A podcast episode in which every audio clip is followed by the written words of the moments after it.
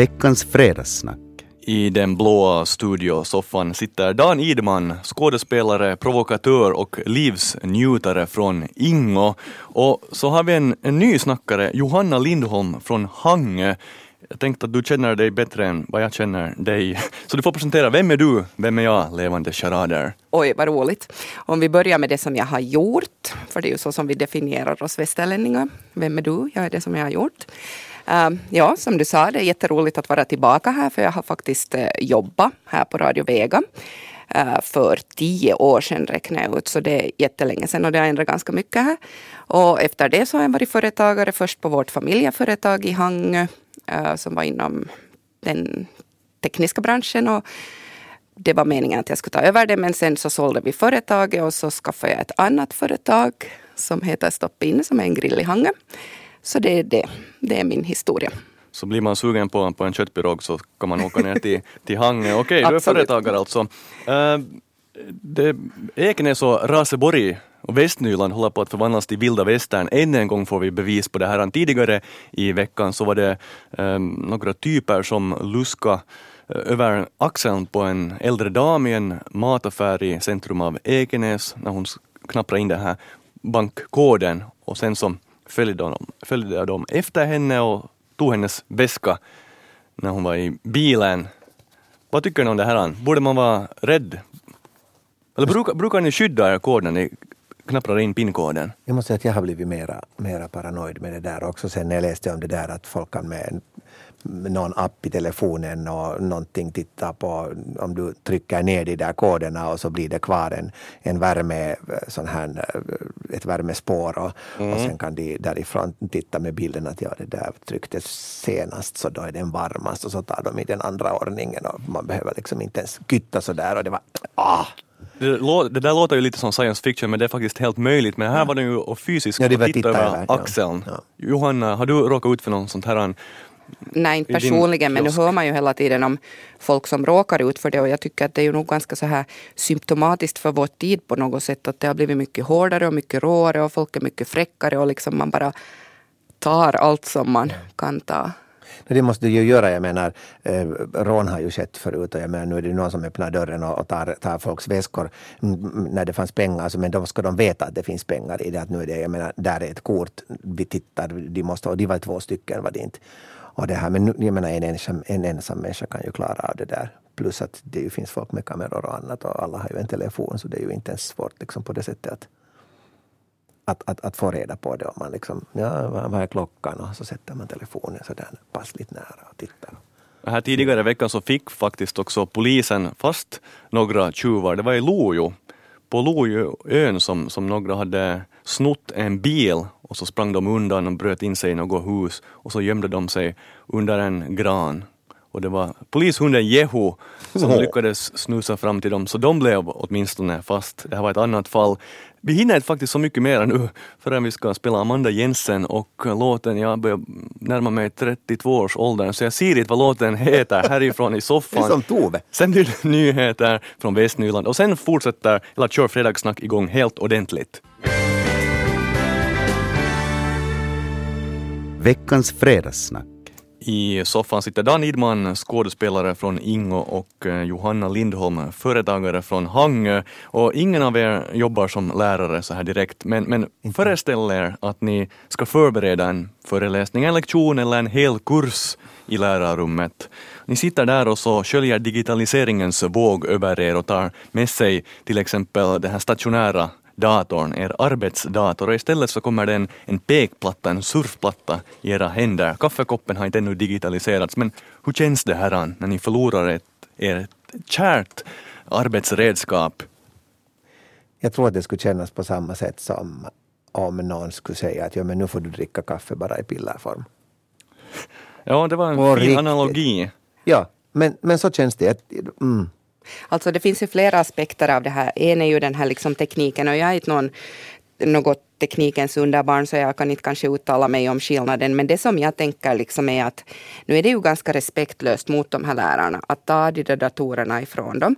I synnerhet som de själva önskar att de skulle få jobba med de här datorerna. För en pekplatta i all ära och jo, tekniken måste gå framåt och vi måste hänga med i utvecklingen och allt det här. Men samtidigt så måste vi ju ändå väl medge att läraren är det viktigaste redskapet i undervisningen. Och för att läraren ska fungera bra så behöver läraren kanske vissa förutsättningar. Och när vi lever i en så föränderlig värld så är det ganska jobbigt om man hela tiden liksom måste satsa all sin energi på att uppdatera mig själv. Och när det pratades om kostnader så undrar jag att är det verkligen omöjligt om ett leasingkontrakt går ut och man förhandlar fram ett nytt eh, kontrakt då i synnerhet som staden då borde ha kompetent personal för det här, att klämma in några datorer i det där kontraktet utöver de där pekplattorna. För det är inget fel på pekplattor, men jag tycker den här diskussionen känns lite så här kommunistisk kanske. No, det, det är ju det här... Ja, det, du hade ett trevligt ord där, borde, de borde ha. Nej, jag, jag, jag vet inte, det, det är det här med, med att, att eh, det är ju klart att lärarna måste ha samma möjligheter som eleverna. Och, och att, att de ska ha samma arbets eh, format och så vidare bort, att de liksom vet hur de är och så vidare bort. Att man, sen borde man ju ha den där undervisningen åt lärarna också, det behöver de ju också hitta tid för. Men, men det här, ehm, jag vet inte, en, en man kan bara inte jobba precis på samma sätt med en pekplatta som med en dator. Och om det gäller liksom att hålla en kvar i huset. Om Ja, kan man om inte ha en Österby, dator att ha dem där som de sen kan arbeta. Och, och eleverna, mm, ja. Vi snackar alltså om att man ska ersätta datorer både för elever och lärare Ö, Får i jag säga, Raseborg. inflika en grej? Um, Det som jag också tänker på är lärarens jobb. Uh, Du är ganska vad ska jag nu säga? När du jobbar inom yrken som lärare, journalister, kundbetjäning, vård, så väldigt mycket liksom av det här arbetet är social interaktion med andra människor, vilket tar ganska mycket energi. Så då är det ganska skönt om du måste eh, planera och strukturera större helheter, att du faktiskt har den där fysiska eh, lugna platsen dit du kan gå och samla dina tankar. Och i en värld där vi hela tiden liksom blir mera okoncentrerade och vi flickar omkring på alla världens apparater. Okej, du kan säkert koppla till en massa extra utrustning till en sån här padda och sen så har du din arbetsstation. Men jag har på känn att det ändå inte är riktigt samma sak. eh, För att inte är det väl heller meningen att lärarna ska släpa omkring sen de här liksom att jag menar du kan ju använda paddan som ett komplement om du vill jobba hemma. Ja, jag tycker nog att de ska få ha sina datorer. Du menar Johanna liksom att man ska ha en, en trygg punkt, till exempel på arbetsplatsen. Man vet det här är min plats, här finns min dator, här sätter jag ner mig och kan jobba förhoppningsvis ostört. Jag tror att alla som har jobbat inom öppna kontorslandskap som är väldigt på mode, så skulle folk få säga vad de verkligen vill, så tror jag nog att alla skulle vilja ha åtminstone en plats dit flera kan gå. Man kan turas om sen att det finns en plats där man kan jobba ostört. Men du kan ju ha din pekplatta där, just som du sa, att det finns ju tangentbord till exempel som man kan sen trådlöst koppla ihop Ja. till pekplattan. Men det var det jag menade, att hela tiden liksom släpa omkring på sin utrustning och flytta den och sådär. Så. Jag menar, har du plattan som du sen måste ha och stå, då ska du ha någonting som sitter bakom fast på den. Och så ska du ha en trådlös... Äh, allt ska sen kopplas i vid något tillfälle, för någon gång tar det där batteriet slut. Och, och jag menar... Och så ja. tappar du nerverna och så har du Och så helt... tappar man nerverna och så är man... Var ska man sen sitta? Det enda ostörda stället som du kan sitta på är vässan och vem vill nu sitta där hur, hur länge som helst och jobba? Ja, och sen, är jag. ja, vi, vi lämnar det där an. Eh, Men eh, pekplattor används ju nog i undervisningen redan nu. Det finns ju helt liksom poänger med att ha det. Men vad tycker ni om när barnen, alltså ska, eleverna, allt mer använder digitala elektroniska verktyg. Hur tror ni att det går med, med skrivstilen, alltså skriva för hand? Den försvinner ju. Ja, den ska ju tar de i bort nu. vilket fall som ja. helst. Och, och det var det här, det, det, jag satt och diskuterade det här med min fru igår i, i, i bilen, att, att den här fördumningen vill jag inte vara med om. När jag läste eh, bland annat någon människa, men det är ju helt gammaldags att skriva. Man ska ju tala in så att datorn sen skriver. Ja, man dikterar till datorn. Jo, man ja. dikterar till datorn. Men du ska ju kunna veta att den skriver rätt. Bara det att man ska skriva, skriva bakåt och det blev balåt när jag skrev här ett textmeddelande åt dig här och de ändrar ju, och då, då är det liksom en, en, en sak som är fel där. Så uttalar du på något så ska du börja och prata ordentligt. Det finns inte en dator i dagens läge som vet vad det är du ska skriva. Den hittar på lite eget och, och försöker nu kolla och det finns ju matriser och du kan ju sätta in hur mycket grammatik som, som helst. Men, men, men, men inte, det, det, det är långt framåt och det här att, att ta bort helt och hållet att, att skriva, skriva ner någonting för hand. Fin Alltså det är ju inte något fel med ny teknik, men det är inte något fel med liksom gammalt hederligt kunnande också och koncentration och att du använder din hjärna och styrtanken till handen och sådär, liksom, att du gör jobbet själv. Nej, jag, jag, jag, jag skulle vara rädd för att man helt och hållet slopar. Ens att skriva, jag menar jo, inte tar de ju bort att skriva för hand och, och, och det här, men, men det, det kommer om 20 år, 30 år att behövas experter som kan läsa folks handstilar. Äh, gamla brev, äh, andra dokument, allt kan inte digitaliseras. Och jag menar även om det, det digitaliseras så har nu en dator sen att läsa mina kråkfötter mm. från en sån tid då jag ännu skrev. Jag skriver väldigt mycket på det. Det, det mesta jag skriver är, eh, men, men all, alla, all historia, allting, alla som någonsin har skrivit någonting för hand och det är ju liksom inte bara de senaste 20 åren som, eller 30 åren eller 40 åren som vi har liksom producerat text utan, utan hela den skrivna historien. Mm. En, en grej som jag funderar på med, med pekplattor också nu så här på äldre dagar är ergonomin. Man, jag, jag tror att man har åtminstone möjligheten att sitta mer ergonomiskt när man har en stationär dator medan pekplatta kan man lite ligga lite hur som helst. Är det någonting du Johanna har tänkt på? Du vrider nacken när du tittar ner på pekplattan och, och lärarna har redan tillräckligt med huvudvärk från eleverna och sen får de ytterligare när de Ja, och sen är det ju också liksom skärmen, att det är ju lättare att arbeta om du har en stor skärm än om du har en mikroskopisk skärm att titta på. Så om inte du nu hade huvudvärk från tidigare så får du garanterat migrän med det sen. Men att gå ner från en, en, en vad kan de nu ha, en, en 20 någonting tummare till en 10 tummare den blir ju sen ohanterlig den där pekplattan. Jo, men man kan få större, ja, men så ska du sen bära på den mm. hela tiden med det du har, eller du har en väska eller du har någonting. Men... Det är en sån teknisk kassialma. Ja. Teknisk kassialma här. Johanna Lindholm och Dan Idman i Fredagssnack-soffan. Vi tar och lyssnar på Hosier, Take Me To Church och sen så fortsätter vi med ett populistiskt ord, kappvändning. Veckans fredagssnack. Hosier här med låten Take Me To Fredagssnack. Jag tänker vara ytterst populistisk nu och använda ordet kappvändare, kappvändning. Den eh, politiska soppan rördes om tidigare i veckan. Kristdemokraten Niklas Andersson byter parti, hoppar över till Svenska folkpartiet. Andersson sitter i fullmäktige i Raseborg och han har fått mandat av de kristdemokratiska väljarna. Och nu hoppar han över representerar han SFP. Hur schysst är det här mot uh, väljarna? Hur schysst, vad ska vi nu säga, nu har vi ju haft andra människor i den här Jo, jo, han är inte som, den första. Som första som gör det och han är ju inte den första i politiken som gör det heller.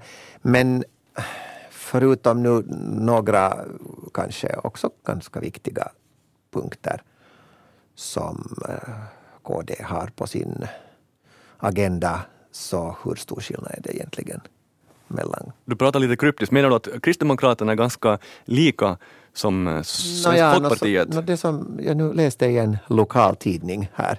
Alltså allt ryms väl inom SFP i princip, så det på det, det sättet så är det ju kanske inte så... Jag, jag tänker sådär att han har ju en ganska stark profilering, men vad kan du göra som ensam KD-are? Och på riktigt liksom också sådär ur ett vidare perspektiv. För för mig framstår Andersson som ganska driven och ambitiös. Så om du ska göra liksom karriär på ett högre plan så med nuvarande galjonsfigur så är ju nog KD ett sjunkande skepp om ni frågar mig. Mm. Så på det sättet så är jag inte förvånad över att han hoppar av till SFP som ju är det parti som nog styr och ställer i Ekenäs. Alla blommor. Raseborg måste korrigera här. Förlåt, jag är från Hangö så jag tänker ännu så här självständigt. Raseborg.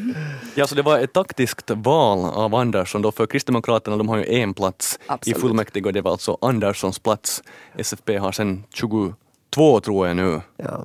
Och där kan han ju hålla en ganska stark profilering också om han håller fast vid den här KD-värdegrunden och, och på det sättet, jag tycker nog att SFP i jag tänkte säga Ekenäs, förlåt, Raseborg, är, har ganska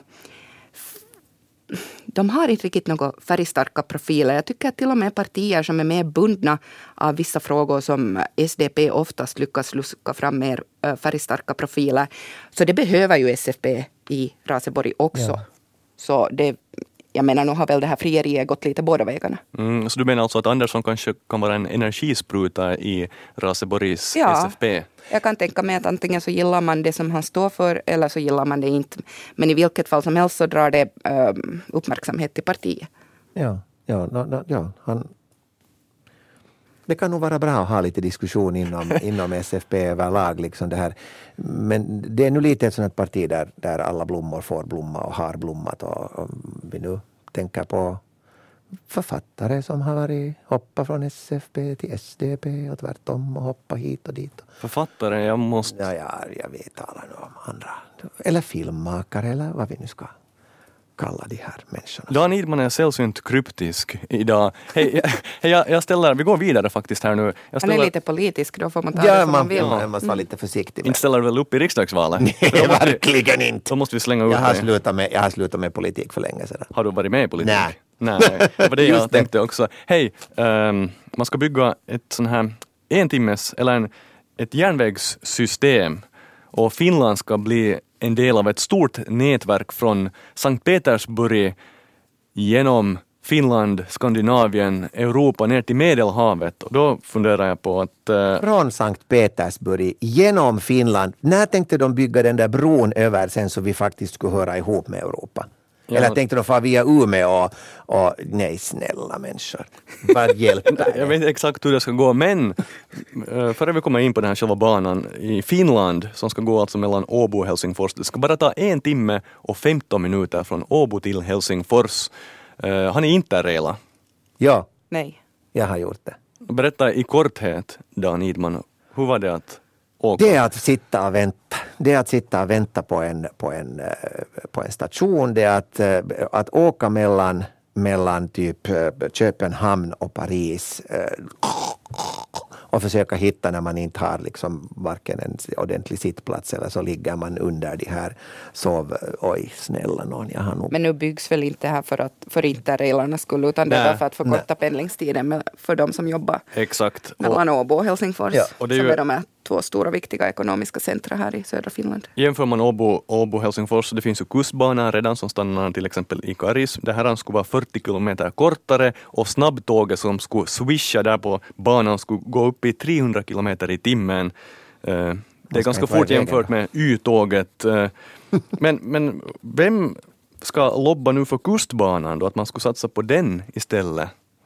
Är ni, är ni oroliga nu att till exempel Raseborg så Eller Hangö. eller Hangö. Men det är meningen att man ska bygga en liten avstickare från Hangö Ja, men det tuffar ju på den där till, lilla, till Lojo. vad heter det, eltåget. Från Hangö till Lojo. Den ska ända här via. Ja. Inte kan den ändå fara direkt. Ni är ute på en liten, liten udde. Ni måste ändå det liksom vara... Det, det, mm. Och inte kommer det att komma flera tåg. Fast de liksom tar bort de där, skulle ta bort en del Helsingfors-tåg och så, så ska man sen alltså efter för att komma Kommer den här banan att tas bort helt och hållet? Eller Alltså jag ser nog att nyttan är för de som liksom bor i Helsingfors Ja. eller Åbo. Sen kan man nu prata vackert om stickspår och så här. Och, Ja. Stickspår var ju ordet det här som, som Ja. skulle Men dras. jag vet inte, det är ju sådär ganska spekulativt Och i det här vad skulle den kosta? Den här lilla banan som behöver byggas? Jag vet inte, kan det När inte Jag tyck, 10 miljoner räckte åt Det är oss. en miljard, ja, tror jag. Sånt, ja. Inte kommer de ju att satsa på liksom flera banor samtidigt, det kan man ju glömma. Ja, det är ju det. ja men är det, det är just det, det som vissa människor befarar nu att kustbanan här, att, Men det är att klart. Karis ruttnar ytterligare när den tappar liksom det här, den här viktiga järnvägen. Ja, det är ju det. Mm. Sen, sen, sen blir det någon sån här biljardklubb där i stationshuset och ölbar. och- Ja, det att det, nu man får ju spela biljard redan där. Ja, för att nu ta upp min gamla käpphäst om Karis ruttnar, vad händer det åt stackars Pujo? De blir ju helt utan. och resten av Och resten av Västnyland. Västnyland. Det säger Dan Idman. Det var och- muntra framtidsutsikter. oj! Dalm, nu är det veckoslut. Vi hörs igen på måndag. Tack och hej.